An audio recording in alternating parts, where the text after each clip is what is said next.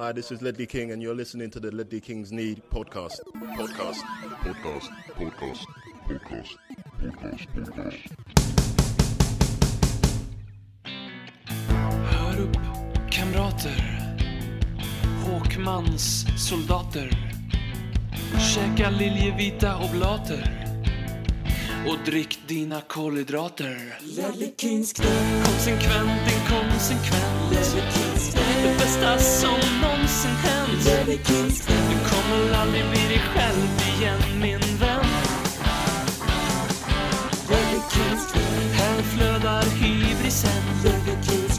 När vi poddar på nytt igen. Du kommer aldrig bli dig själv igen,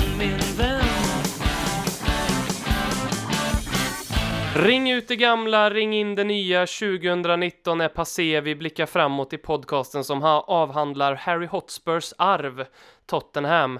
Det här är mycket riktigt Ledley Kings knä som du har rattat in. Robin heter jag och idag handlar det här avsnittet till 100% om januari transferfönstret. Vilka spelare bör vi värva? Vilka positioner bör vi förstärka? Vilka behöver vi göra oss av med? Vi kommer gå igenom den befintliga truppen och, och titta på de spelare som redan nu ryktas, eventuellt också prata om de som vi gärna skulle vilja se ryktas till klubben. Um, med mig för det här så har jag Dag Hammarskjölds eh, avlägsna släkting, den före detta högerbacken Per Frykebrandt. Vänsterback, faktiskt. Vänsterback var det. Ja. Sen Det kanske på- var jag som var högerback, jag vet inte. Ja, det, så, så, var, så var det nog faktiskt. Sen fick jag ju på lite äldre dagar flytta upp i banan, vilket är motsats mot vad man brukar göra. Så att jag var ju en ganska liksom Scott Parker mittfältare sen på slutet faktiskt. Lite Philip Lam över mig så att säga. Mm, verkligen. I André Pops hemstad, eh, där Skogaholmslimpan en gång uppfanns, i hjärtat av sagolika Sörmland, har jag med mig mannen med samma initialer som Bette Midler och brunmögelost, nämligen Alexander BM. Tackar, tackar. Eh, Jag hör ju direkt här när ni pratar om att eh, du att du var Serge när du spelade fotboll Robin eftersom du sa det kanske var jag som var högerback. Men det tycker jag kännetecknar vår nuvarande högerback väldigt bra. Inkast var ju aldrig min starka sida. Nej. Ja, Jag, själv spelade jag mittback och sen eh, flyttade upp centralt på mittfältet. Så jag och Per, vi hade Just gjort en jävla duo. Ja, oj. Det fanns ju ett uh, Ledley Kings träben en gång i tiden, ett korplag som också spelade fotboll i eh, Stockholm. Hur gick det? Eh, Då har jag inte med, men däremot vet jag att den enda säsongen vi deltog i Korpen i Karlstad så vann Ledley Kings träben den prestigefyllda titeln och min egen karriär tog tragiskt slut i en eh, 19-1 vinst tror jag i första omgången. När jag blev stämplad av en dam som var lite sur på mig som spelade flygande målvakt. Jag tycker det pratas alldeles för lite om det här och hur vi bara totalt eh, pulveriserade en korpliga i Karlstad. Vi säger jag här nu, jag var inte ens med, men eh, ja, Ledley Kings knäs träben. Jag Ja, men vi gjorde det med ett antal eh, lyssnare som bodde liksom i trakten och lite annat eh, övrigt folk. Eh, det var en ganska trevlig säsong vill jag minnas det. ja, jag, Ja. jag kommer inte ihåg om Håkman spelade någon match eller inte, men jag hade i alla fall på mig Håkmans skor den matchen då min karriär tog slut. Olycksdrabbat där.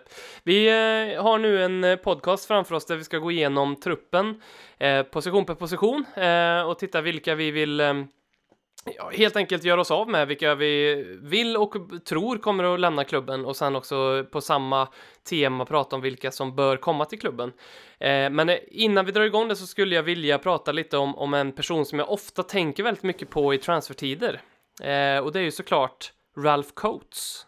Eh, mannen från eh, Känd från det glada 70-talet som kom till Tottenham i tidigt 70-tal och lämnade sent eh, 70-tal. Eh, för att ja, alltid när, vi, när det pratas transfers så, så tänker man, eller nu säger ma- jag man här, men jag gör det i alla fall att fan fotbollsspelare har så jävla gött, de får liksom f- tjäna hur mycket pengar som helst, bo i de finaste och häftigaste villorna, flytta runt lite i livet, se lite olika städer, men det man ofta tror jag glömmer bort i det här är hur jävla slitsamt det är att flytta. Eh, det vet ju alla som, som lyssnar på det här som har flyttat någon gång. Nu är det ju inte så att det, jag tror inte det är så i alla fall att fotbollsspelarna själva bär de här jävla banankartongerna upp och ner för trapporna och sådär. Men ändå det här med att liksom man har sett ut sitt eh, Ica och sitt apotek och, och sina vänner i stan och sin favoritpub och allt det där. Och så, så omkullkastas det så hamnar man på ett nytt ställe. Det är ju lite obekvämt liksom. Och då tänker jag på Ralph Coates eh, som tidigt 70-tal värvades till Tottenham. Eh, och då hade ju han varit en eh, stor legend, trots att han bara var runt 25 år i Burnley där han kom ifrån. Och då ska man tänka då att flytta från Burnley till London eh, eh, är ju liksom geografiskt ett ganska stort avstånd och på 70-talet är ju liksom det kulturella avståndet enormt. Det är ju liksom som att flytta från, ja vad blir det, Kiruna ner till eh, Palermo eller någonting, jag vet inte fan, men eh, en extremt stor omställning hur som helst. Och Ralph Coates fick ju liksom en vecka innan den här flytten eh, vaknade han upp mitt i natten och så hade han massa prickar över hela kroppen. Ehm, och diagnostiserades då av en läkare i Burnley med stress över sin framtida flytt till Tottenham och han var väldigt öppen med det där att han tyckte att det var väldigt jobbigt, så han, tog, han ringde upp Bill Nicholson och försökte dra sig ur lite grann. Eh, men Bill Nick sa, det är lugnt, vi, vi löser allting åt dig. Du, du kommer flytta ner hit och så kommer du få flytta in i en jättefräsch och fin eh, lägenhet där allt står upp och, och redo för dig och, och, din fru och ditt lilla spädbarn också som, som skulle flytta med. Och Ralph tyckte väl att, ja men vad fan, jag gör det här.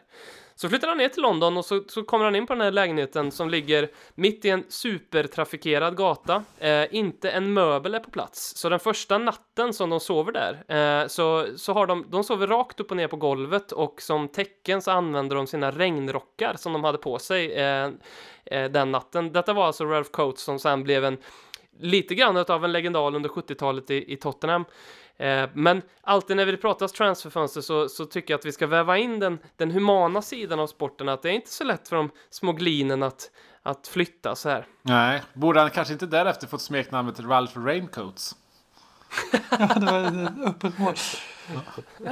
Verkligen. När jag hör en sån här anekdot då tänker jag mycket på NHL, mitt an, min andra idrottsintresse där, där det går lite snabbare om man säger så.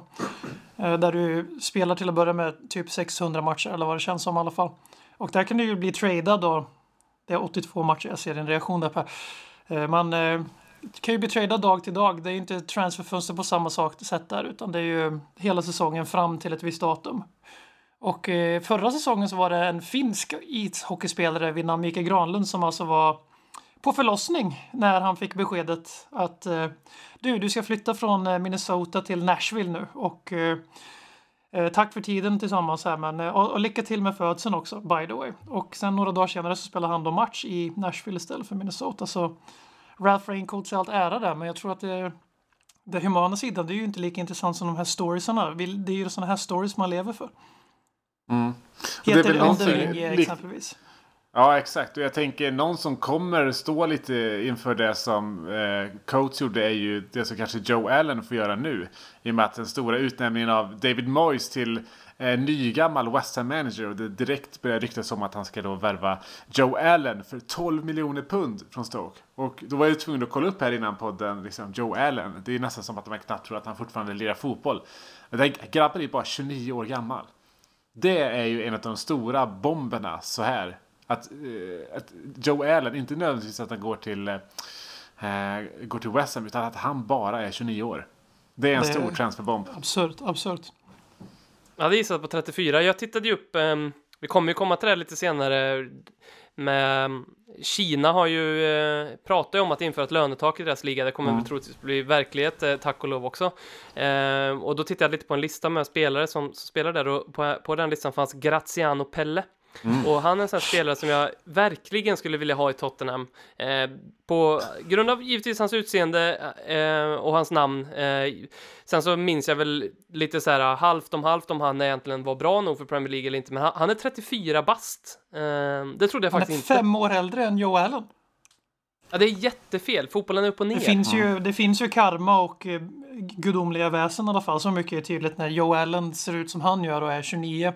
Medan Graciano Pelle ser ut som han gör är 34. Mm. Men om vi, är inne, om vi är inne på Kina där och det stundande lönetaket. Vad har vi från Kina som är möjligt att plocka i så fall? Är, är Damiao där? Han är väl det va? Mm. Spelar inte han i samma lag som Moussa Dembele, Guangzhou? Eh, det finns ju två Guangzhou-lag. Jag hade för mig mm. att han var i Japan, men jag har inga, inga källor på det här. Jag vet att... Eller, mycket, men, men, men det finns ju ett gäng eh, andra spelare. Vi har väl Arnautovic eh, ja, exakt. som spelar i Kina, va? Pass. Eh, och så har vi Oscar. Och, ja. Ehm, Oscar är ju, han var ju någon så, han var ju liksom eh, Mourinhos Delle en gång i tiden och var ju verkligen eh, en av de bättre nummer tiorna eh, där och då när han fick liksom ha Delle-rollen under, eh, under Mourinho i Chelsea. Eh, och det, det, är klart att det hade kunnat vara någonting även om han är eh, alldeles för gammal nu, även om han väl förmodligen bara är i Joe Allen-ålder. Samtidigt som det är en position som vi inte riktigt kanske behöver eh, stärka upp i. Eh, men en Arnautovic, på riktigt, det hade ju kunnat vara lite av en Lorente-värvning. Mm. Sen finns det ju en kille som jag inte hade hört talas om, men som heter Cedric Bakambu. Kan, kan jag något om han eller? Han öste mål i La Liga för Villarreal.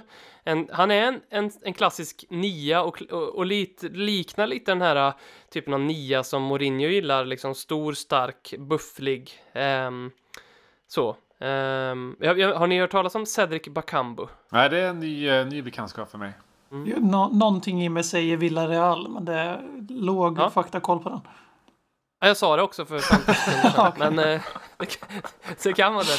Här, då, är det ännu, då är det ännu lägre källtrovärdighet vill jag lägga till. Ja. Sen har vi Carrasco i Kina. Ja, just det. Just det. Men... Känns som en Arsenal-värvning.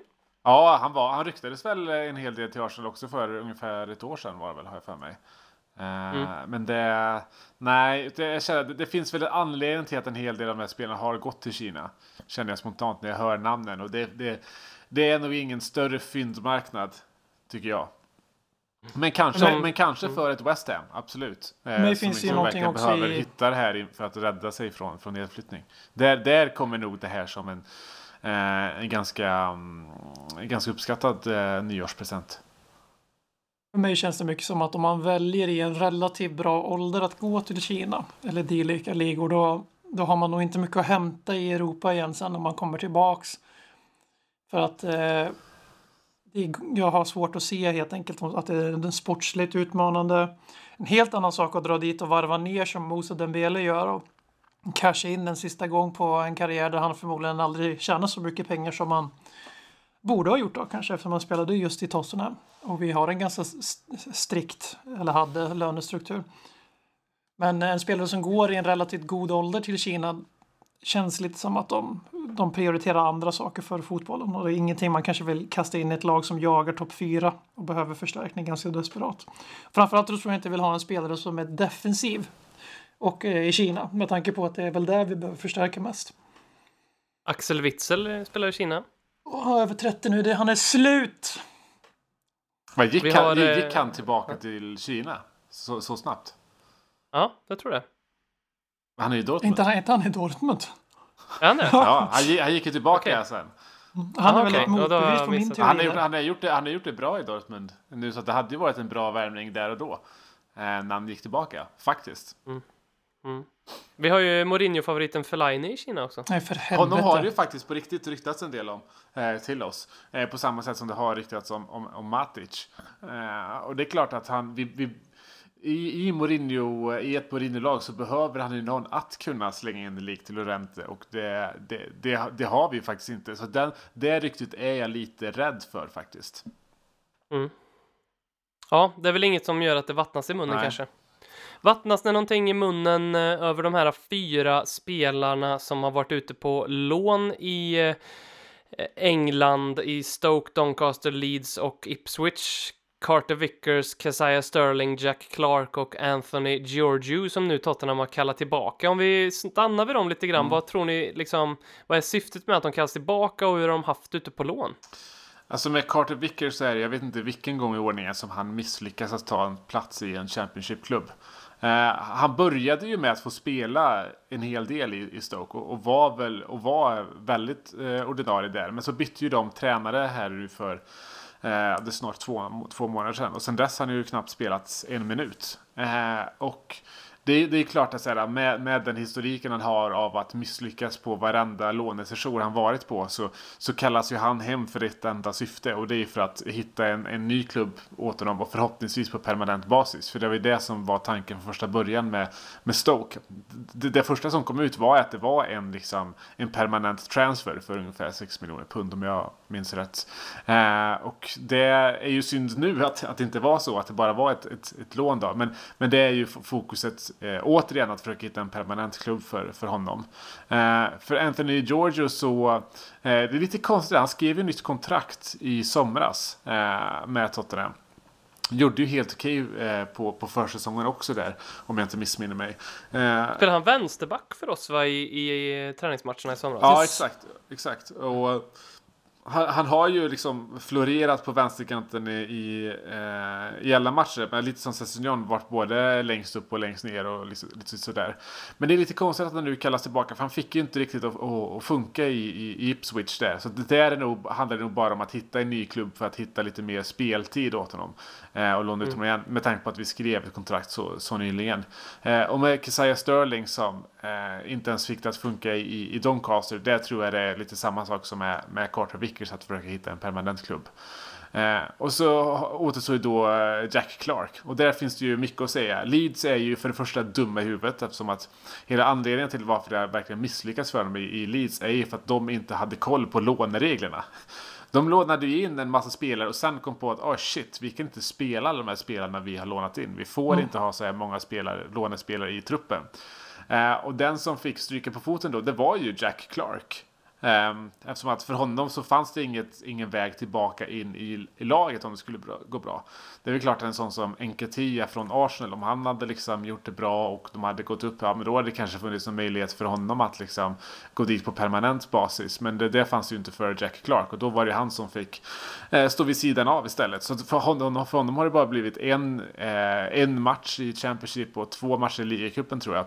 Eh, och det är ju, det är ju sex bortkastade månader. Um, för, för honom. Jag tycker det var bra att göra utlåningen för målen att liksom, som så ung spelare, att även om man hamnar i frysboxen, att så här, använda det till att, eh, till att fighta dig tillbaka och slå, slå dig tillbaka in i laget. Och att ha det som en, en, en erfarenhet så, i så ung ålder är nog väldigt bra. Och speciellt med, med Bielsa som tränare.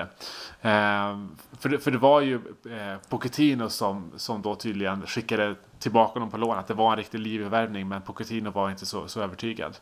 Eh, men nu får vi se. Han kommer typ in ganska bra här. Vi har ju en match mot Middlesbrough bara några dagar efter att han eh, joinar truppen igen. Får se, det kanske är lite för snabbt för honom för att liksom få eh, få en startplats. Men förhoppningsvis kan vi få se honom några minuter där. Och det är det som är hela tanken med det här att kalla tillbaka honom, att, att Mourinho ska, ska få se honom in action helt enkelt. Så får vi se vad vi, vad vi ska göra, om han ska stanna kvar eller, eller inte. Det har ju ryktats en hel del om eh, att vi vill plocka in Eberechi Eze från, eh, från QPR. Och att de där då också ska vara väldigt sugna på att ta Jack Clark på lån i, i, i en liten delbetalning där. Så vi får se exakt vad som händer. Finns det en fotbollsspelare Jack Clark? Ja, absolut. absolut. Eh, men man ser ju när han, han, när han driver bollen, det är ju som...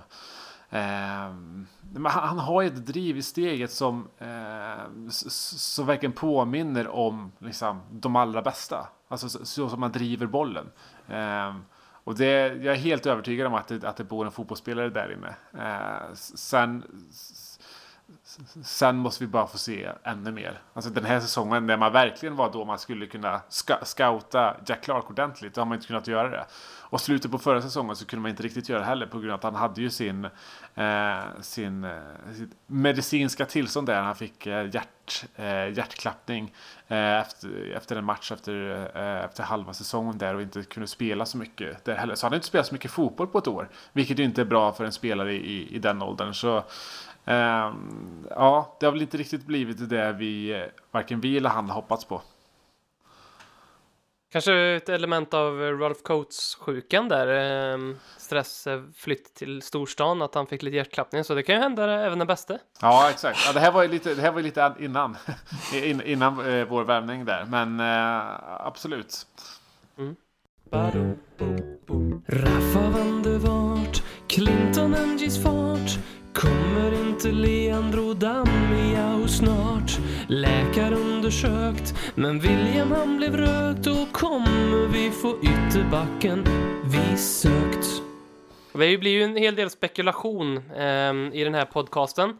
Eh, vi ska nu titta lite närmare på vår trupp, eh, position för position, eh, och göra det ba bakifrån och fram, höll jag på att säga, men ehm, eller nerifrån upp, eh, målvakt eh, och framåt i banan, typ 4-2-3-1-stuk. Så vi kan väl börja med Ja. målvaktspositionen. Hugo Lloris, Paolo Gazzaniga, Michel Vorm, Brandon Austin och Alfie Whiteman är de målvakterna som eh, vi har i truppen idag. Vad ser ni behöver hända här? Kommer det ske något i januari eller inte?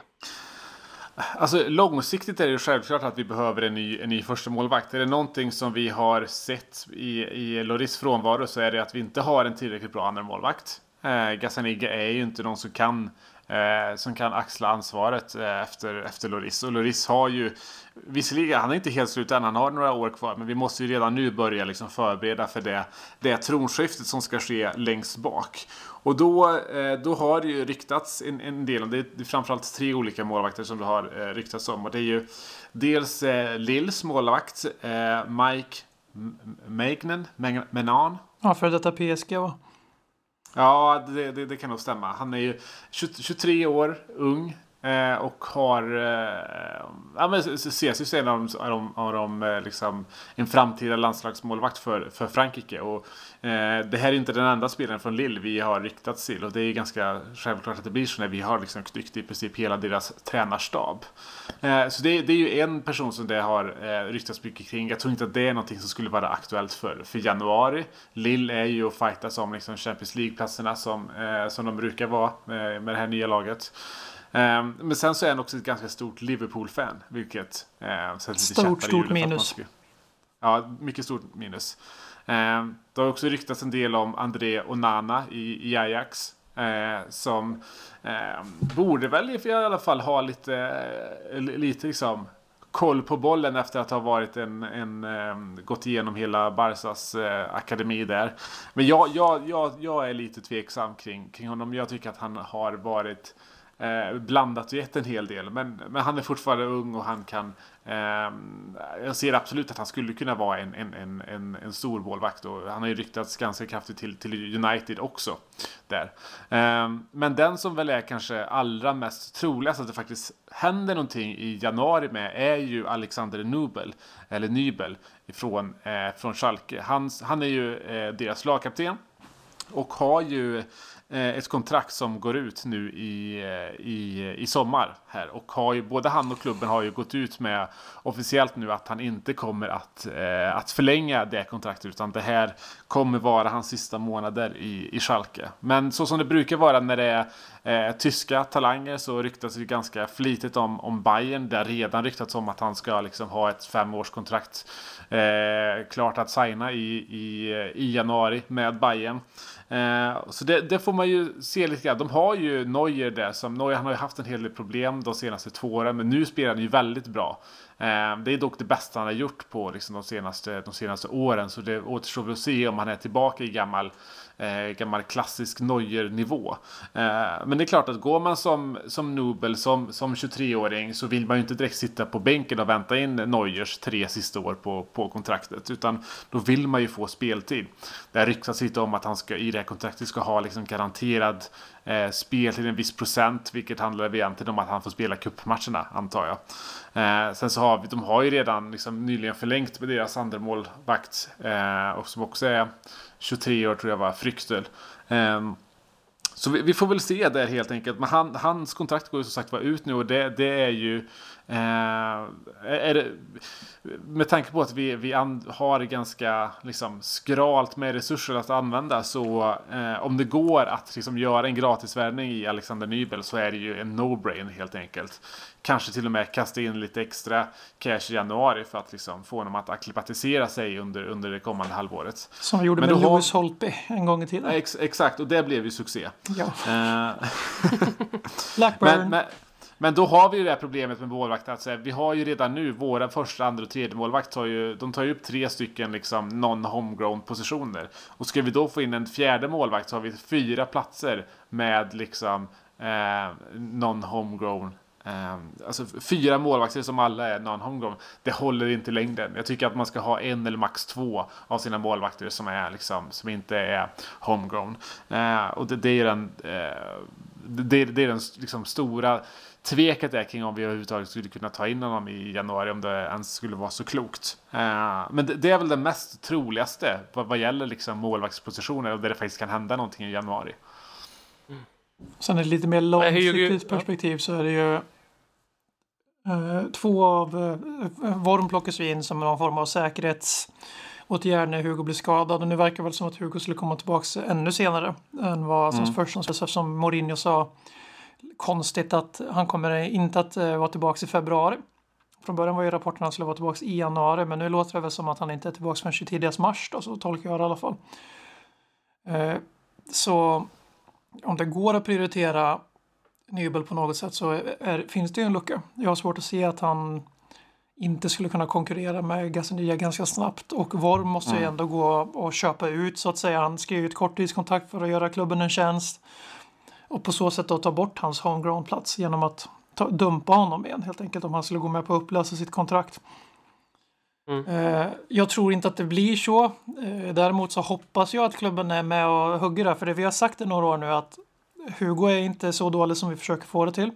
Han har gått ner sig lite från sin absoluta topp. Målvakter tappar ju reaktionsförmåga precis som vanliga människor gör. Och i målvakters fall så är det kanske mer kritiskt. Jag tycker snarare att Hugos problem har ju varit att hans beslutsfattande blir sämre med åren, vilket brukar vara tvärtom för målvakter. Reflexen då tycker jag inte det är något fel på. Så mm. vi ska inte jaga bort Hugo Lloris från klubben, absolut inte som Per säger, men däremot så behöver vi, vi måste ha en målvakt som faktiskt hotar Hugo. Vi måste kunna peta Hugo när han har vaskat matcher. Det är lika bra att titta på nu när Gassa hade en ganska fin start och sprattlade till lite i början, men nu mot Norwich igen så är det det är ju inte han som blir hängd med all rätt, men eh, visst fan ska han kunna ta ett av de där målen och då är det tre poäng istället för en. Och hur, många, hur många matcher spelade han egentligen innan han blev varvad då? Så han var tredje målvakt i SA-15. Det här är en målvakt som på grund av sitt utseende och att han gjorde några fina inhopp har blivit lite, lite för hyllad lite för snabbt. Och jag ser gärna att vi går in i nästa säsong med honom som absolut bäst som tredje målvakt Kanske till och med så om man kör Loris, ny grabb och sen eh, den av Whiteman och Austin som man anser var bäst som tredje målvakt just för att, som Per är inne på, att minska antalet icke homegrown spelare. Eh, jag tycker helt enkelt inte att vi behöver ha kvar Gazzaniga längre än januari om det skulle ens gå att göra den lösningen, men det har jag svårt att se. Mm. Ja, men jag, jag, håller helt med om att så här, på, på, fram tills i alla fall eh, nästa säsong fasa ut Casaniga. Eh, för att dels han inte är tillräckligt bra. Det, det, det, ser vi ganska tydligt att när, när man har Lloris, alltså, som faktiskt är en av ligans bästa målvakter, man blir ganska målvaktsblind när man har mm. en så bra målvakt under så lång tid. Eh, att man fokuserar väldigt mycket på, på misstagen och inte liksom de målen som man faktiskt räddar. Vilket vi kan se nu med Gazzaniga, det är ju nästan ett mål per match som, som går in som är liksom eh, inte alls otagbart. vi såg ju eh, framförallt det, eh, det målet här senast som egentligen går rakt på och som man bara är dålig på att reagera, vilket är det som är Rolis starka, starka sida. Eh, och eh, Nybel har väl lite, han är ganska reaktionssnabb, han är mycket bättre på fötterna än vad en Loris är. Eh, han han klassas ju som, eh, som den nya eh, Neuer, vilket man automatiskt gör om man är en tysk målvakt. Men han har ändå en hel del likheter skulle jag vilja säga. Eh, och han är också ganska... Eh, han gjorde ju, om vi minns den här eh, fasansfulla utrustningen mm. som, som Gazzaniga gjorde mot Chelsea. En Nybel gjorde ju exakt en likadan eh, bara dagen innan mot, eh, mot Leverkusen. Så att, han har, som ung målvakt så har han väl det där, liksom, eh, den där osäkerheten i sig också. Eh, och det hade ju, det hade ju Lloris också när han kom och han var ju två år äldre än vad Nybel är nu, om jag inte minns fel. Mm. Mm. Så det vi säger när vi summerar målvaktsplatsen är Nybel en no-brainer? Ja, det, det, absolut, absolut. Mm. Jag gillar ju det här att han är kapten i Schalke. Nu behöver inte det säga så mycket för Hugo Lloris är ju detsamma i Tottenham, men eh, jag tycker att ett av kraven om vi ska värva en ny målvakt är att eh, vi, vi får in någon som har lite eh, storkuksaura där vi, som kan skrika på sina mittbackar. Eh, som Hugo Lloris inte verkar vilja göra överhuvudtaget. Det, det gör ju dock Gazzaniga. Han är, han, han, han är alltid arg. Han är alltid arg. Mm. Mm, det tycker jag är mycket, mycket bra. Nyberg blev alltså lagkapten inför den här säsongen. Förmodligen det är ett missriktat försök att eh, han skulle stanna kvar i klubben. Det gick ju sådär. Det är lite Harry Redknapp och Luka Modric på en försäsong för några år sedan. Högerbacksplatsen då? Bort, hej, Vi, sälj, ehm, sälj alla. ja, Vad sa du? här, är- bort med alla säger Ja. BM. Va, varför då? För att eh, Serge Arier sprattlade till lite när Mourinho kommer in. Och han, det är väl, eh, nu ska vi inte prata om taktik och sånt i den här podden, men en av få saker jag ser i Josés Tottenham som är annorlunda mot Pochettinos Tottenham, det är ju att vi har en fri roll på högerkanten när vi är bollförande, att vi går över i en treback och nu vi, körde vi till och med treback från start på riktigt i början av matchen mot Norwich. Det gick sådär. Eh, och det är alltså för att jag tolkar det som att eh, maximera det Serge är ganska bra på, alltså att springa framåt och slå värdelösa inlägg. Och hålla honom så långt ifrån eget straffområde som möjligt utan att det kostar laget för mycket. Eh, och det har ju funkat okej. Men eh, det hörs ju på sin egen orimlighet. Man kan inte bygga en taktik kring en högerback som går ut på att han inte ska försvara. Jag tyckte mig se ganska mycket av en ung Kyle Walker i Serge när han kom hit. Och höll ganska länge höll jag fast vid att med lite taktisk skolning så skulle han kunna bli bättre än Kyle. Eftersom de hade exakt samma styrkor och svagheter där i början. Och jag litade mer på Pochettino än vad jag kanske litade på Kyle Walker före Pochettino. Eh, experimentet är slut nu. Det finns ingen konkurrens. Han spelar hela tiden. Han är eh, en direkt säkerhetsrisk defensivt. Han tillför inte ett jävla piss offensivt förutom värdelösa inlägg.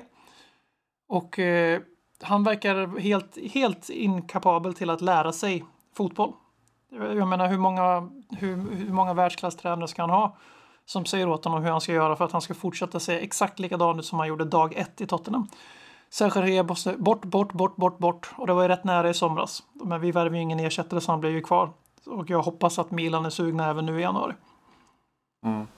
Ja, jag håller med om att det, det bästa sättet att lösa högerbacksproblematiken just nu är att göra som vi gjorde senast och spela utan högerback. Alltså spela med en trebackslinje.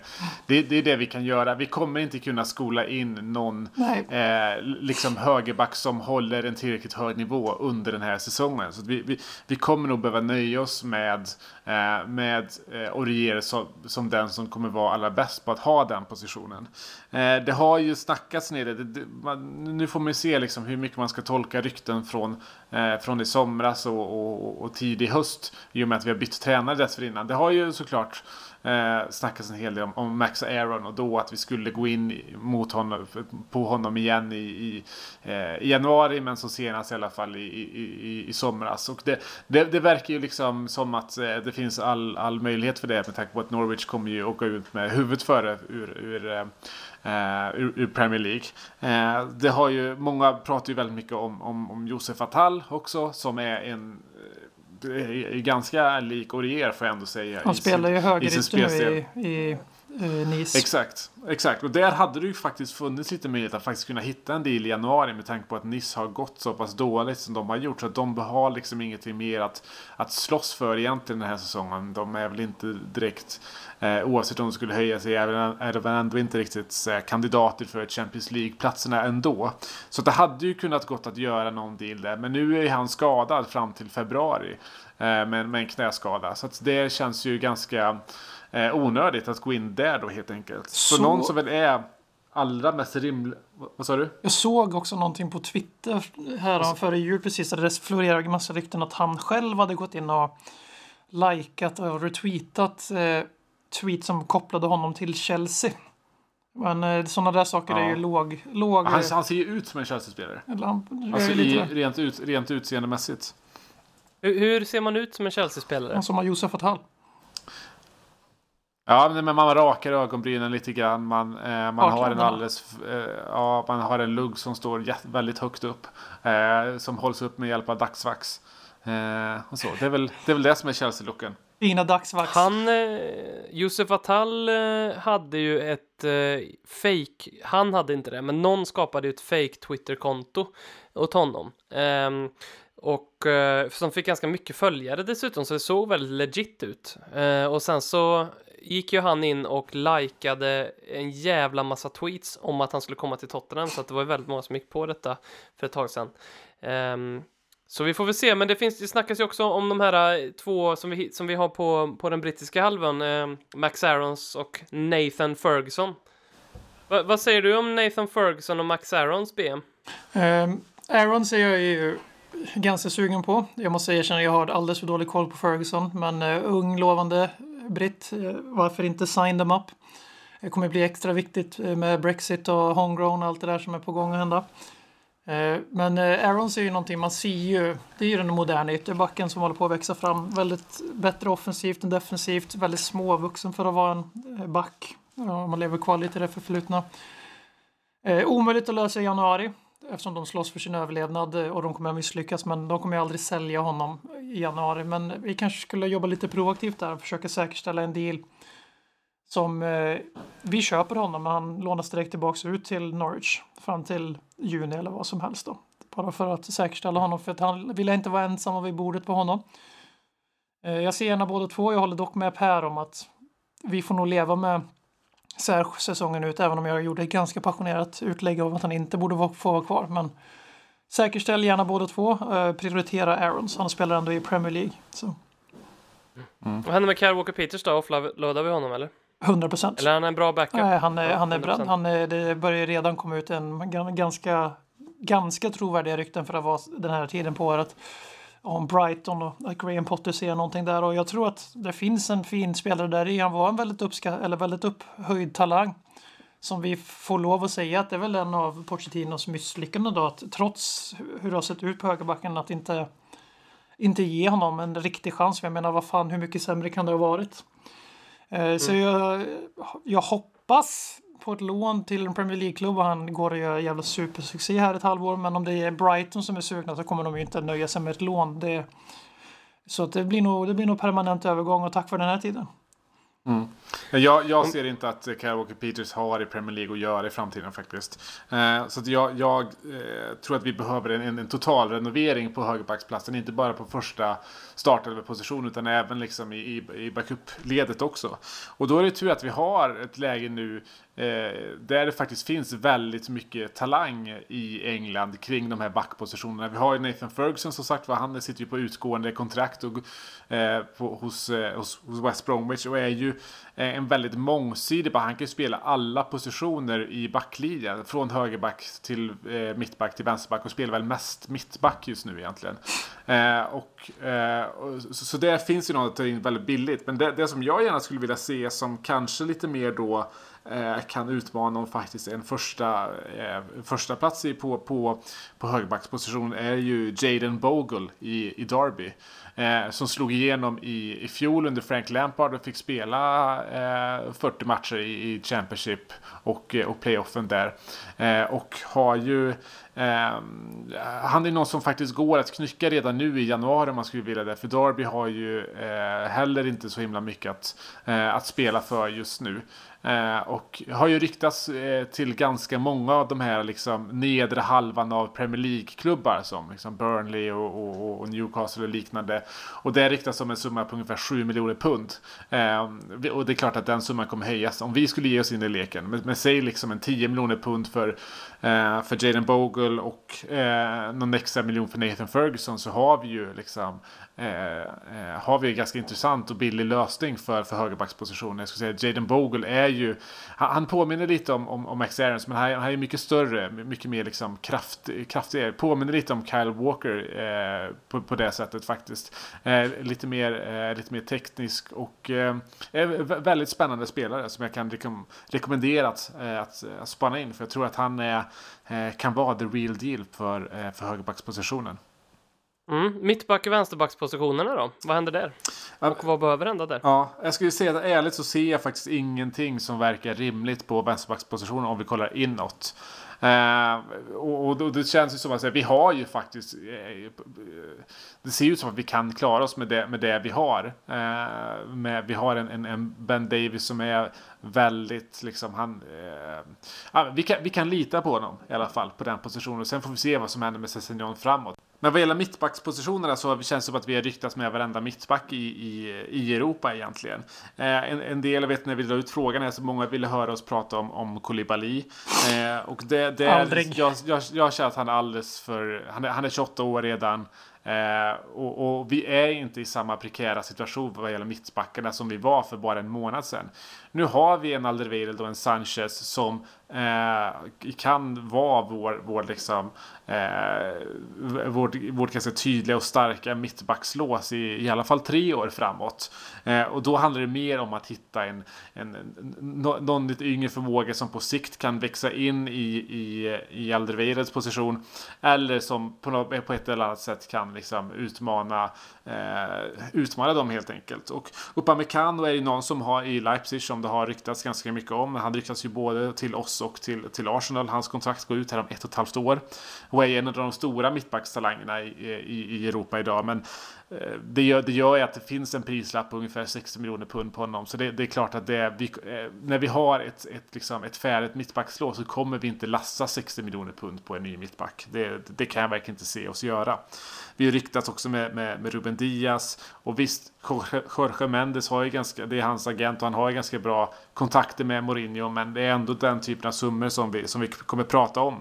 Eh, Issa Diop i, i West Ham är, är, ju, är ju någon som är eh, både ung och ser väldigt intressant ut. Jag tror inte för liksom, mitt liv att West Ham skulle sälja till oss utan då skulle det verkligen krävas att, att West Ham åker ut till exempel för att en sån deal skulle vara, skulle vara möjligt. Eh, Merid Demiral är ju ändå kanske lite mer, eh, eh lite mer rimlig. Han spelar ju Juventus.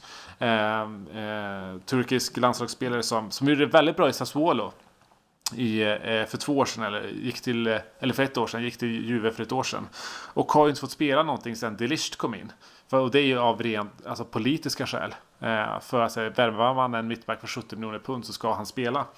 Eh, och eh, vi vet att Juventus behöver sälja. Det var en av anledningarna till varför Dybala ryktades så mycket till oss. Eh, och bara 21 år. Så det, där, där finns det eventuellt någonting. Och det skulle kunna gå att lösa ganska billigt om värvade honom för bara 15 miljoner pund för ett år sedan. Så att det är inga stora summor vi skulle behöva liksom lägga på, eh, på Demiral för att, för att värva honom.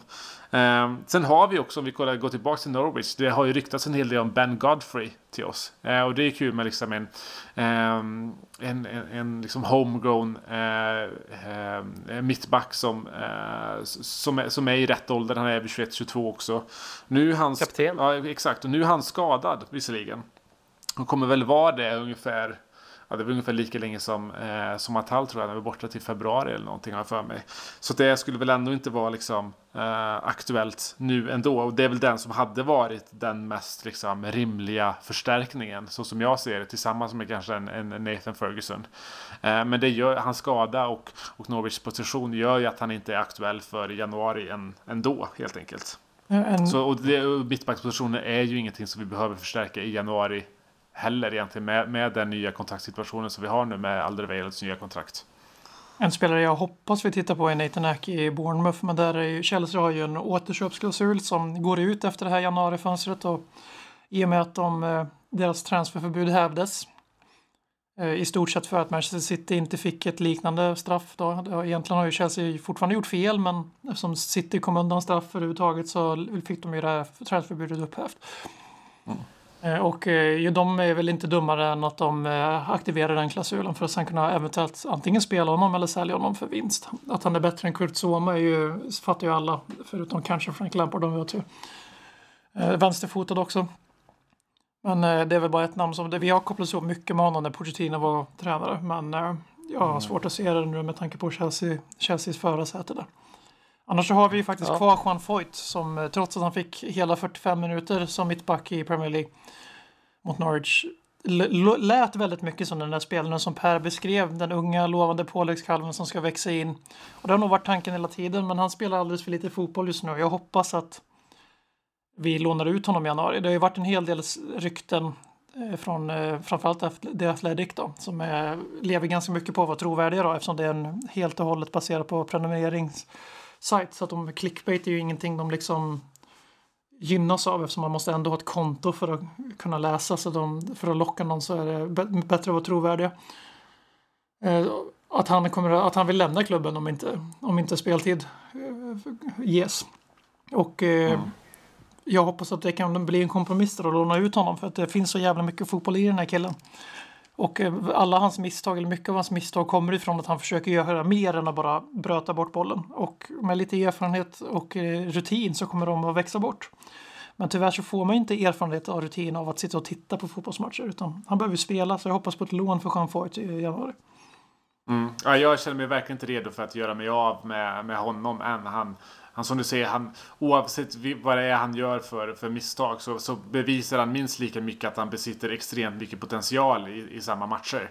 Eh, och jag, jag, tycker att lösningen som, som Pochettino verkade ha hittat initialt med den här säsongen med att testa honom på högerbackspositionen för att ge, ge lite mer speltid och på en inte riktigt lika riskabel plats var, eh, var kanon för honom. Sen gick han ju och fick sin skada och kom ganska långt ner liksom pecking ordern för, för högerbackspositionen.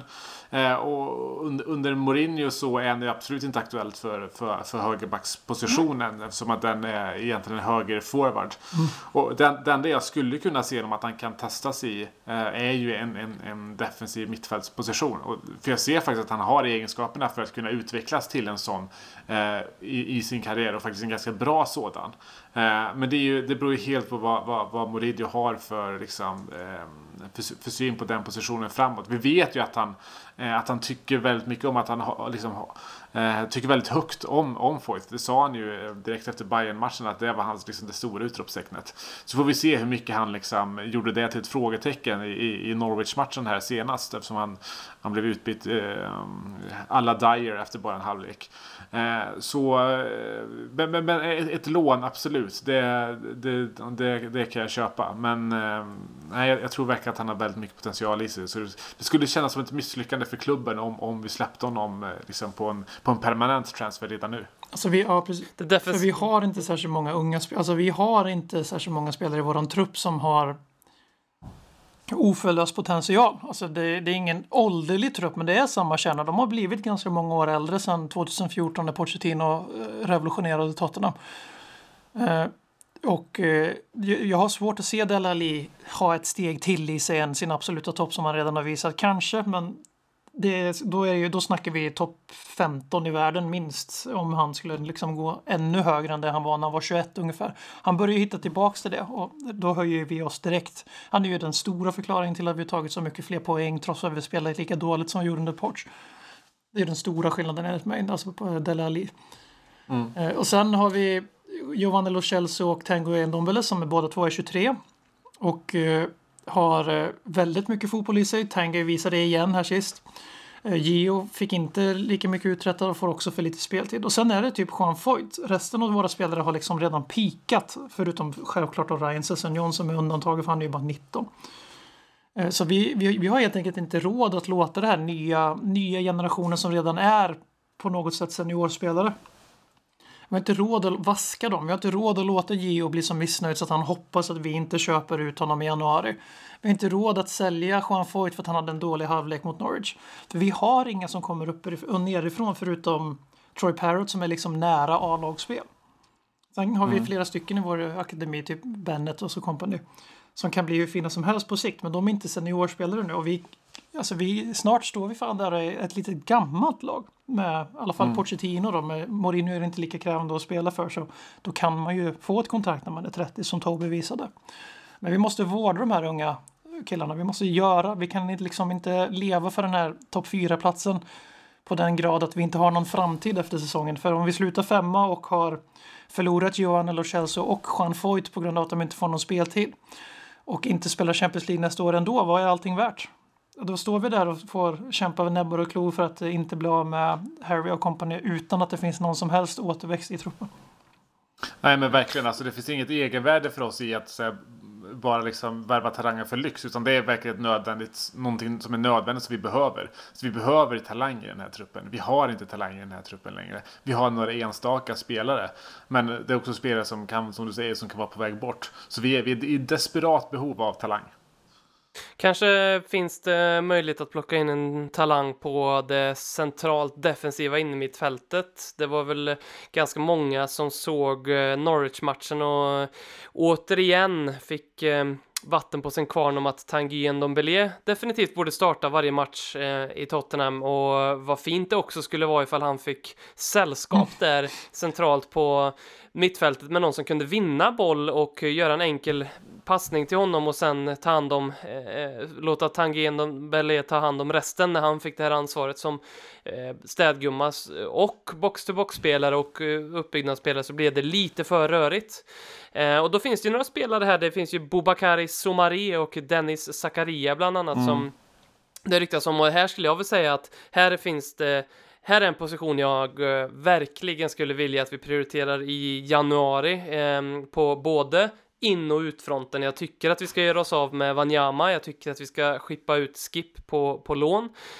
Um, och vi, vi kan väl kanske ha kvar Eric Dyer av någon form av sentimentala skäl, men jag tror att skulle han lämna så, så skulle inte det vara det värsta som skulle kunna hända, såvida vi får in en rimlig ersättare. Jag vet inte vad ni tänker om den positionen. Nej, men det, det är den absolut viktigaste. För, för, för kollar man på vårt innermittfält idag så av alla de fem, sex spelarna vi har där så är liksom alla utom en är bättre offensivt än defensivt. Och det vi behöver är någon som är lite bättre defensivt än offensivt. Den enda som är bättre defensivt än offensivt just nu är ju Dyer. Och därför har han en given position. Jag tyckte i, i laget, jag tyckte det var fel att ställa upp så som vi gjorde mot Norwich. Eh, det hade varit mycket roligt att se eh, vad, vad en Dombele kan göra tillsammans bredvid Dyer. Eller en Los Celso kan göra bredvid Dyer.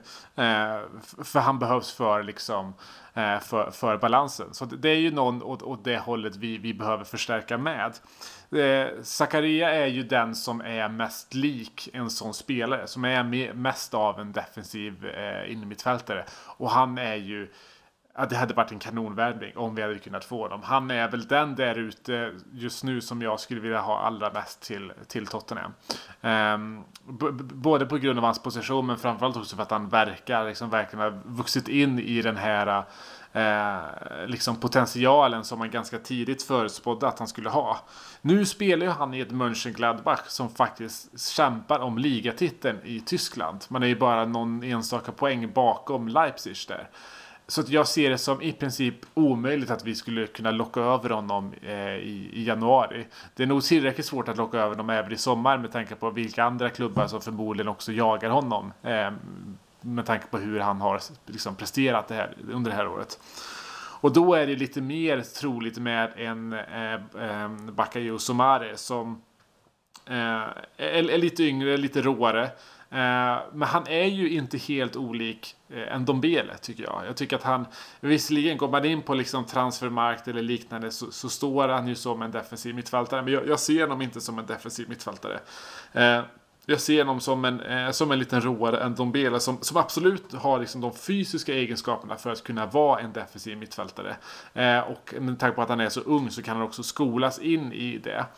Eh, och, och, och, jag tror att han absolut är en som kommer liksom växa ut till att bli en, en, eh, en världsklasspelare. Eller i alla fall en riktigt bra spelare. Eh, och, och, skulle vilja ha honom bara av den anledningen. För Även om det är så att det är liksom en defensiv innermittfältare vi behöver så är det inte så att våra, eh, våra alternativ på, på platsen bredvid är så jäkla bra. Det är ju en Dombele. Eh, kanske kan spela Lo Celso där också men men, men, men, men Cissoko tror jag inte kommer spela i Tottenham eh, nästa säsong. Winks visar väl gång efter annan att han som mest är liksom en backup på den positionen. Så att Somare, oavsett om han kan skolas in till defensiv mittfältare eller om han är liksom en, en, en ny Ndombele Eh, och Ndombele har också visat att han inte kan spela så himla mycket heller, så vi behöver ju två Ndombele faktiskt. Så det, det, kan vara en klok värvning även av den sakens skull. Och han går nog att få loss i, i, i januari, för de har ju ett ganska talangfullt innermittfält där även utan, eh, även utan Somare. De har ju Renato Sanchez där eh, som eh, visserligen får spela en hel del på kanten också, men han har ju liksom fått, eh, fått en, liksom en liten ny Eh, injektion här efter att han bytte till Lill här i somras eh, och har spelat bra. Sen så har de ju eh, ganska gott om så här, bra innermittfältare i, i, eh, i övrigt som Maja där de har ju André där också. Eh, så att honom kan de nog absolut tänka sig att släppa. Eh, sen så kommer det absolut vara för en 50 miljoner euro eller liknande. Så det är absolut någonting som vi kommer punga upp för. Eh, så jag, jag, jag ser det väl... Kanske kan ta hjälp av eh, Klarna så som Arsenal gjorde när de köpte den största floppen i modern tid. Ja, men det, det, är väl så vi får, får tänka lite grann där. För att säga, på innermittfältet så är det väl liksom Somari som jag ser som den, liksom så här, någon som skulle faktiskt kunna komma i, i, januari. Men han är ju inte exakt det vi behöver. Han är lite för rå för att vara det vi behöver. Eh, så, det har ju liksom eh, snackas en hel del om Gerson från Flamengo. Han är ju lite mer offensiv än det vi behöver. Sandro Tonali i Brescia till exempel, 19-åringen.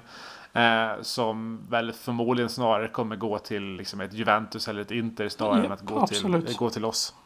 Eh, sen, sen, sen, så Matic, hans kontrakt går ut i sommar. Eh, så att det är väl nästan, liksom, om vi kollar defensiv innermittfältare, vem är mest rimlig där? Ja, det är nog fan Matic alltså. Och om, han, och om Mourinho anser att han är en tydlig uppgradering på Eric Dyer, för jag tror att Mourinho, med tanke på lovorden efter matchen, jag var lite orolig efter att det att eh, Ndombele själv tog sig ur spel då, i, i den matchen, i föregående matchen före Norwich. Eh, uh, ansåg sig inte vara fit nog, medan Lamela samtidigt säger att jag, jag kan spela, jag har missat 58 dagar i rad, men jag, jag, jag kan lira om du behöver mig coach. Och så har vi tvärtom då med Ndombele. Uh, eh, men eh, om eh, Matic anses vara en direkt förstärkning nu, var bättre än Erik Dyer nu och vi, Mourinho ser klokheten i att spela en Dombele bredvid en sopkvast. Fan vet om man kanske ska sluta vara så överdrivet kritisk mot Matic igen ett, ett och ett halvt års kontrakt. Och eh, se om han kan hjälpa en Dombele att nå fram till sin fulla rätt. Han är ju bättre än våra alternativ i truppen som är Dyer och ingen för just den rollen om vi vill ha en kortsiktig lösning.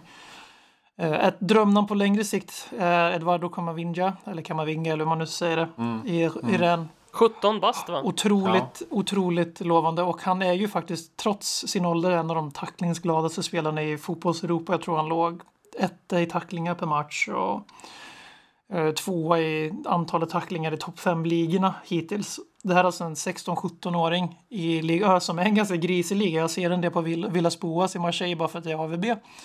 Fan, alltså liga det är lite, det är en gonliga. Det, det smäller på rätt bra där.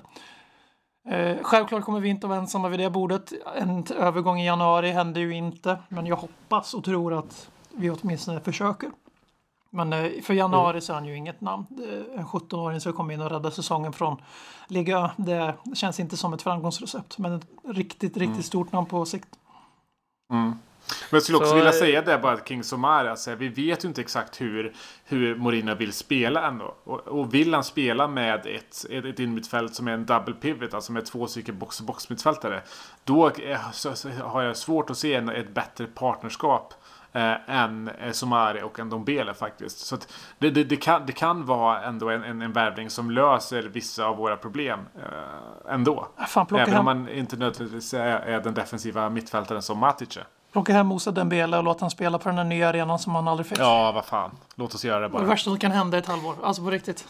Mm. Att han inte spelar. Eberechi, Eberechi Etze har vi pratat om förut, mm. men är det någon annan i den positionen? För jag kan här kryllar det ju helt plötsligt av fotbollsspelare i Tottenham eh, och det innebär ju också att vi kommer att se rotation på den här positionen framöver. Och nu pratar jag liksom om OMC eller de här och sen också ytterpositionerna vi har eller de här trean bakom ettan i en 4-2-3-1 uppställning. Här känns det väl som att vi inte bör göra någonting i januari, eller hur? Det, det känns ju så. Alltså, som vi sa, de här ETS-ryktena är ju känns ju ganska, ganska rimliga. Eh, eftersom att säga, vi behöver kanske inte en till eh, liksom, en till Dell i truppen. Men som vi sa, vi behöver talang i truppen. Och Eze är en oerhörd talang som är, tycker jag, en av de bästa spelarna i, i Championship just nu. Eh, och kan ju skolas om till att kanske vara en, ha en Lukas-position i, i en 4-2-3-1 också just nu. Och det, den, de summorna det pratas om där är ju liksom 12 miljoner pund, i alla fall det som eh, Sheffield, eh, Sheffield United ryktas ha liksom, eh, var villiga att lägga på honom. Eh, men, men, i övrigt så, och kollar vad vi har ryktats kring. Jag vet, Mourinho har ju gått ut och sagt angående Bruno Fernandes där, alltså, att vi absolut inte är liksom um, in the running för, för honom. Men är det någonting som inte kårarna säger så är det ju tvärtom. Att liksom, är det någon spelare som Mourinho verkligen vill ha så är det Bruno Fernandes. Eh, och jag har ju svårt att se, precis som du säger, vad, vad, han skulle fylla för funktion i, i, i Tottenham med tanke på att det är en position där vi har så extremt många spelare. Och det är faktiskt det som vi har vår talang. Men å andra sidan så är det så att ja, är det någon av dem som, som är bättre än Bruno Fernandes? Nej, han är kanske bättre än alla dem. Han är kanske en bättre spel, eh, spelfördelare, en bättre liksom, eh, motor än vad, vad de andra spelarna är. Och säger man vad man vill om Eriksen, men när han lämnar i, i januari, vilket han förmodligen gör, då, då, då kommer vi verkligen sakna honom. Och, och, och Lo Celso är, eh, är absolut en spelare som, som bidrar med mer kreativitet på mittfältet när han försvinner. Men jag tror inte att han har den typen av liksom, eh, kvaliteter som, som faktiskt Bruno Fernandes har. Eh, så den är inte helt dum den, den värvningen eh, ändå. Och vi vet ju inte riktigt hur, han, hur Mourinho vill spela sin fotboll ännu heller. Eh, men, men, men, men det är väl liksom, det är väl Eze och Fernandes som jag skulle kunna tänka mig liksom att det, det, det kan fortsätta snackas om eh, ganska långt in i, i, i januari faktiskt. Mm. Och slutligen då, på topp, Harry Kane. Här är ju faktiskt den enda positionen som eh, José Mourinho har sagt att han vill förstärka, i alla fall i, i presskonferenser. Och om man tittar på vad han konkret har sagt sen så har han väl kanske så här subhintat om eh, att andra saker behöver göras. Sist sa han ju att vårt man skulle kunna göra en, Amazon skulle kunna göra en special om vårt bedrövliga eh, försvarsspel den här säsongen. Um, men han har varit konkret i, i att han har sagt att han, han, skulle vilja förstärka eh, längre fram i banan. Och då har det ju ryktats om eh, den här riktiga nian, eh, den brunkige forwarden eh, från eh, Balkan, Vedat Muriki, eh, som spelar i Fenerbahce tror jag, eh, 1,94 lång och, och, och, som verkligen skulle vara en Jorente 2.0.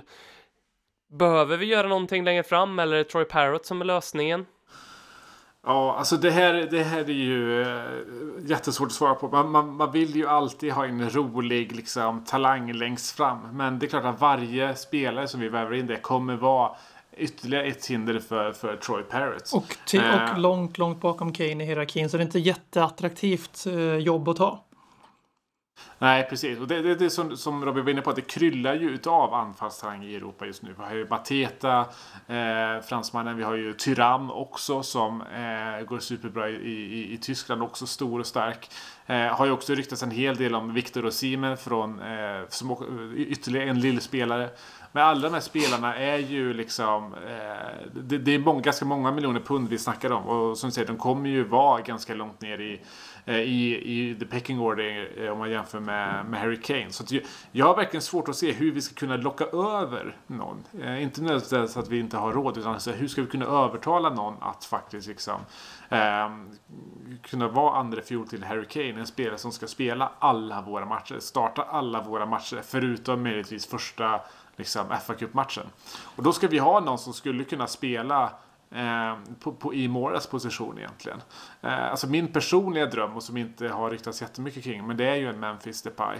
Eh, som skulle kunna gå in och ta en, en, en eh, en, en centerforward-position också om det skulle krävas. Nu är han också skadad. Eller, det är eller att som hände, hände i spela på kanten ändå. och låta Son gå upp som forward. Alltså, han har ja, varit väldigt exakt. bra, framförallt i stormatcher mm. som forward. Nej, men det, jag, jag är med dig där, mer åt det hållet. Alltså bredda då ytterforwarden eller wingers eller vad man nu vill säga. Eh, för vi får inte glömma bort här att uh, tyska klubbar har ju på senare år gjort en ganska riktad insats att uh, headhunta brittiska och irländska talanger. Uh, och locka dem från Premier League-lagen med löfte om speltid i seniorlaget i en av världens bästa ligor. Vi ser Chelsea betalade en jävla lön till Hudson Odoi för att han skulle stanna kvar och det var ju ett mm. misstag nu för nu är det ju flera andra spelare där som kräver samma lön som honom minst eftersom Odoi inte är ordinarie nu heller i Chelsea. Eh, sen har vi Jadon Sancho som är det stora exemplet men det är fler och eh, Troy Parrott har ju kopplat samman med Bayern München. Och Bayern München måste ju agera så här på, på det här sättet för om de någonsin vill, måste ersätta Lewandowski som de kämpar ganska hårt för att slippa göra. Då behöver ju de då behöver de ju hitta en storstjärna för han är en storstjärna för de kan inte konkurrera ekonomiskt med löner faktiskt jämfört med Premier League-klubbarna i toppen. Och Troy mm. Parrott blir lockad till Bayern München där han får vara tvåa för Lewandowski och få spela mycket mer för i Tyskland har man en helt annan tradition av att spela. Alltså kolla Bundesliga snittålder på de här lagen. Per har suttit och rabblat upp en halv startelva med bara tyska, alltså som spelar i tyska ligan. Eh, och Troy Parrott tappat till Bayern München för att vi köper en tydlig tvåa. när Troy Parrott själv nog känner att han är ganska nära att redan nu kunna bidra i A-laget eh, på regelbunden basis. Mm. Och så står vi där sen med Harry Kane, Real Madrid runt hörnet och eh, den här Fenerbahce-anfallaren jag aldrig sett spela.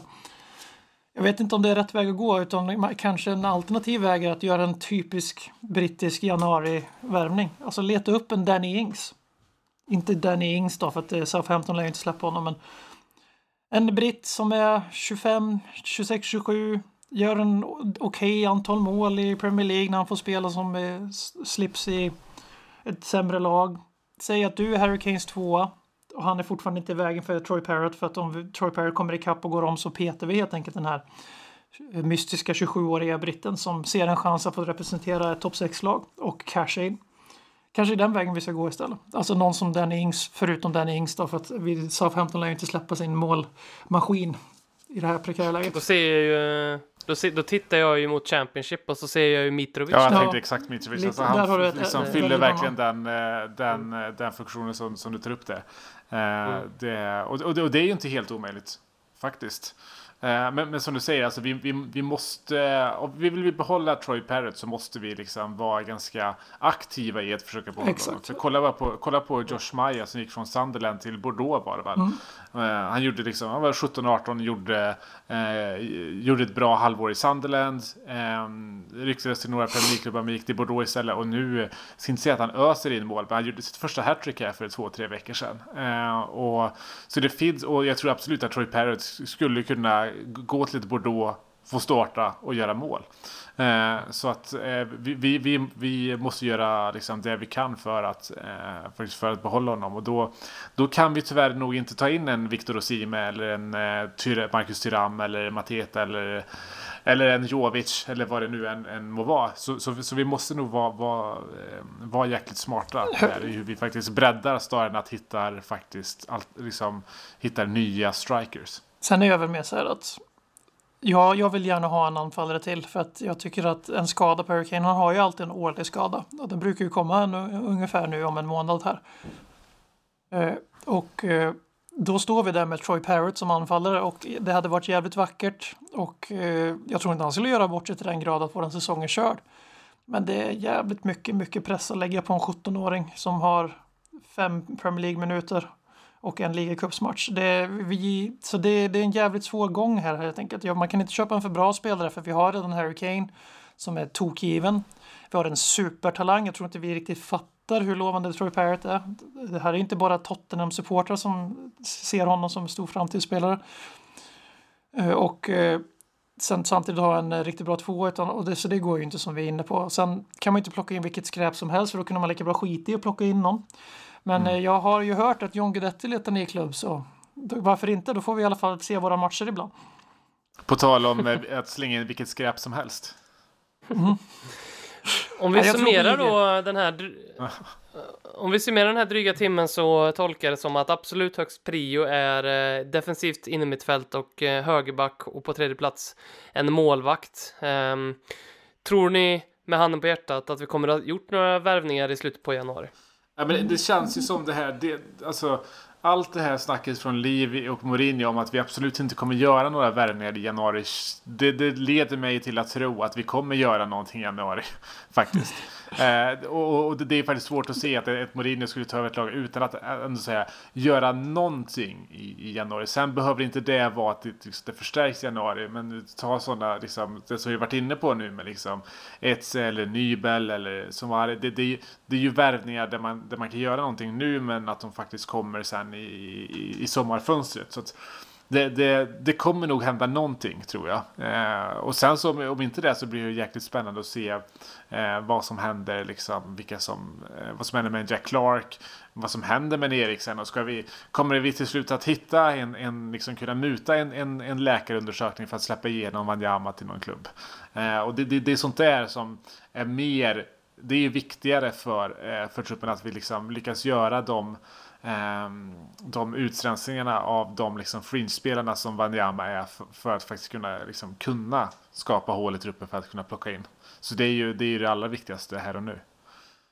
Jag tror att eh, Victor Wanyama lyckas vi skeppa bort på något jävla sätt. Egentligen så tror jag väl inte på det, eh, om jag ska vara helt ärlig, men jag vill tro på det. Så jag väljer ändå Wanyama ut, Kyle Walker Peters ut, eh, en hel del spelare ut på lån, Skip och company. Eh, blir det någonting in så är det en Matic-liknande värvning, måste inte nödvändigtvis vara Matic. Jag hoppas att det är på den positionen. Med tanke på hans utgående situation, eh, kontraktssituation, Christian Eriksens utgående kontraktssituation, att det blir mer och mer surr kring Manchester United igen. För att jag tror att den gode Christian börjar inse att hans eh, valmöjligheter är ganska begränsade. Kanske står där på deadline day med en Christian Eriksen och en liten symbolisk summa pengar för Matic. Alltså att vi får mm. pengar om Matic och de får Christian Eriksen. Mm. Precis, vi har ju faktiskt nu när vi är inne på Eriksen, vi har ju inte ens nämnt Gareth Bale i det här avsnittet. alltså, eh, vilket väl säger en del i och för sig. Han men... hade kunnat vara nia och spela på vinge. Så fan, om Real, Madrid, om Real Madrid går med på det, om de tar Christian Eriksen och antingen ger oss en klumpsumma pengar eller, för de vill ju desperat bli av med Gareth Bale, eller att de täcker eh, mellanskillnaden i Bales lön. Fan, jag, mm. jag är där nu. Jag säger kom hem Gareth, kom hem. Ja, jag har varit lite så här. Jag har sett Gareth Bale som lyx tidigare. Men skulle han komma nu så skulle han ju faktiskt fylla en väldigt viktig funktion i att säga, han skulle ha målpositionen och göra den till kanske vår bästa position i truppen. Samtidigt som att vi inte alls är lika beroende av Harry Kane om han skulle bli skadad. Så att den, den, den makear väldigt mycket sens just nu om man får säga det så. Eh, samtidigt som att det makar ganska mycket sens i och med att Eriksen förmodligen kommer gå åt andra hållet. Eh, så det, det, finns faktiskt någonting att, att, Det finns någonting av substans i de där liksom lösa ryktena nu känns det som. Även om eh, Bale såklart har fått en del eh, speltid i, i La Liga i år. Men han, på, samtid, på samma sätt så är det väl mer han som gör sig själv omöjlig nu med hans diverse liksom eh, flaggor efter landskamper med eh, eh olika prioriteringsordningar i hans liv. Ja, men jag tycker det är väldigt vackert om man kommer till Tottenham och liksom som en spelare som verkligen hatar Real Madrid och som kan berätta för alla i den här truppen om hur vilket, vad vilseledande det är med det fantastiska liv, livet som en Galactico som i själva verket handlar om att man blir nedtryckt i skorna och hatad efter fansen efter trots att man avgjort två Champions League-finaler. Så um, jag, tror, jag tycker att han fyller en väldigt viktig funktion som, som liksom avskräckande intern... Precis, i, i truppen. Vi borde värva fler avskräckande exempel faktiskt. På tal om eh, avskräckande exempel, om vi får avsluta med detta tycker jag Vincent Jansen har vunnit en titel före Tottenham, har gjort det. Eh, jag har tankar på detta. Ja, det är ju Mexiko, så fan vet om det räknas va? Återkom när han vinner en titel i topp 5-liga i Europa. Ja, jag såg intervjun med honom i mexikansk tv direkt efter att de vunnit. Prata spanska. För fan vilken, vilken, vilken finsmakargrej att titta på intervju med Vincent Jansen ja, i mexikansk tv. Det var så jävla roligt för reporten sprang fram till honom och sa så här. Hur känns det att äh, äntligen vinna en major trophy? Man bara säger ja, det är väl inte riktigt det det är. Men, äh, men det är väl kul för honom. Det där är typ det största han kommer vinna. Han har verkligen bevisat under sin tid i Mexiko här att det inte alls var, eh, var fel av oss att eh, släppa iväg honom till en, en ganska mycket mindre liga. För han har ju eh, han har verkligen kämpat med att den sticker ut i Mexiko. Jag knyter ihop med Bale här. Vilket språk höll Vincent Jansen sin i, i, i, i intervju i? Ja, bräcklig engelska. Ah, fa, fa. Du ser, ja. du ser. Han, kommer, han kommer inte lära sig spanska. Alltså han, or, han orkar inte ens gå på träning. Liksom. Han har Bale-auran aldrig... direkt där. Ja, ja, ja, verkligen. Varför fick inte Vincent Jansson spela i klubbvärldsmästerskapet när Monterrey mötte Liverpool? Var han skadad? Klopp lämnade väl in någon form av överklagan. Ja, men de har gjort som, eh, som vana nu i Liverpool att var, de liksom värvar och hyllar motståndarspelarna i varenda liksom utländsk klubb de möter. Eh, så att eh, Monterrey vill helt enkelt skydda Jansen från dem. Troligtvis är det så. Vi hoppas att eh, det här avsnittet faller i smaken. Vi kommer ju ha anledning under hela januari eftersom att fönstret eh, öppnar eh, Eh, nu och stänger i, i slutet att återkomma i de här frågorna, kanske genom att diskutera ett, eh, ett nyförvärv, eh, kanske någon kontraktsförlängning eller kanske något, någon vi fått vinka adjö till eftersom att Ledley Kings knä numera inte är inkonsekvent konsekvent utan faktiskt konsekvent konsekvent. Um, Tre avsnitt ja, på en vecka. Ja, helt otroligt. Jag vet inte riktigt vad... Ge vad oss våra sluta. rosor medan vi fortfarande kan lukta på dem, som man säger på engelska. Precis. Jag vill tacka Per Frykebrant och Alexander BM. Tack själv. Ja, tack själv. Konsekvent, inkonsekvent. Det bästa som någonsin hänt. Du kommer aldrig bli dig själv igen, min vän. Här flödar hybrisen.